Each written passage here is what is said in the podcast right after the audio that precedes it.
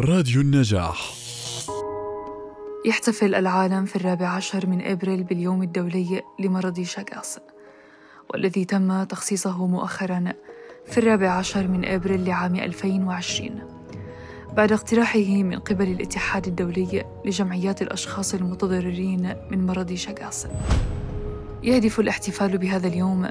إلى تسليط الضوء على المصابين بمرض شاغاس ونشر الوعي حول المرض والتوعية به ومواجهته. مرض شاغاس والذي يعرف أيضا بداء المثقبيات الأمريكي ينتقل عن طريق حشرة الترياتومين وهي الطفيل المسبب للداء وتنتشر حالات الإصابة بهذا المرض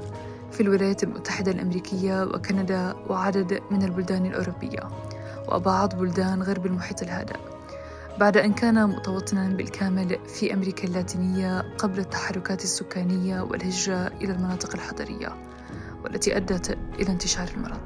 تكمن خطورة المرض في اضطراب انتظام ضربات القلب أو فشل القلب التدريجي